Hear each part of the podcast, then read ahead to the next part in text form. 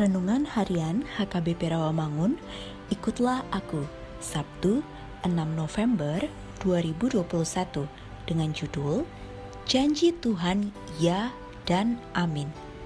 Bacaan kita pada pagi ini tertulis dalam Ulangan 24 ayat 17 sampai 22 dan bacaan kita pada malam ini tertulis dalam Markus 11 ayat 12 sampai 14 dan kebenaran firman yang menjadi ayat renungan kita hari ini ialah 2 Korintus 1 ayat 20 yang berbunyi sebab Kristus adalah ya bagi semua janji Allah.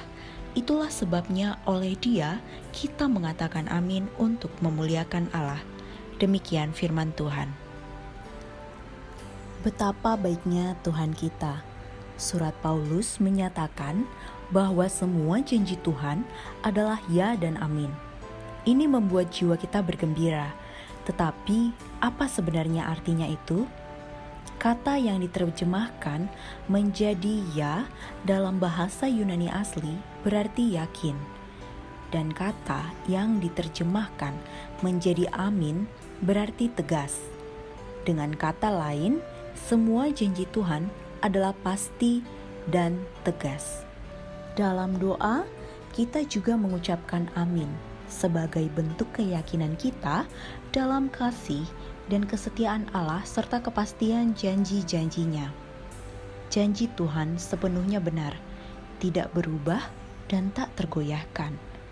Agar janji Tuhan nyata dalam hidup kita, maka ada dua hal yang perlu kita ketahui dan kita lakukan.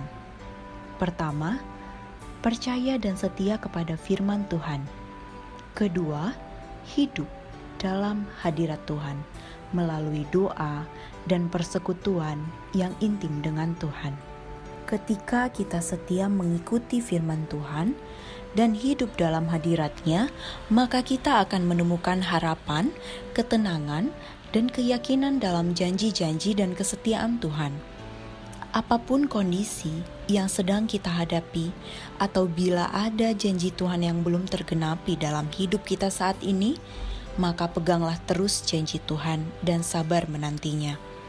Percayalah bahwa Tuhan akan memenuhi janjinya seturut kehendaknya. Seperti sepenggal syair lagu, firmanmu ya dan amin. Aku percaya. Kemenangan sudah kau jamin aku percaya. Sudahkah kita mengatakan ya dan amin untuk semua janji Tuhan? Mari kita berdoa. Ya Tuhan, terima kasih atas pimpinan dan pemeliharaanmu. Mampukan kami Tuhan untuk tetap setia menanti janjimu digenapi dalam hidup kami. Amin.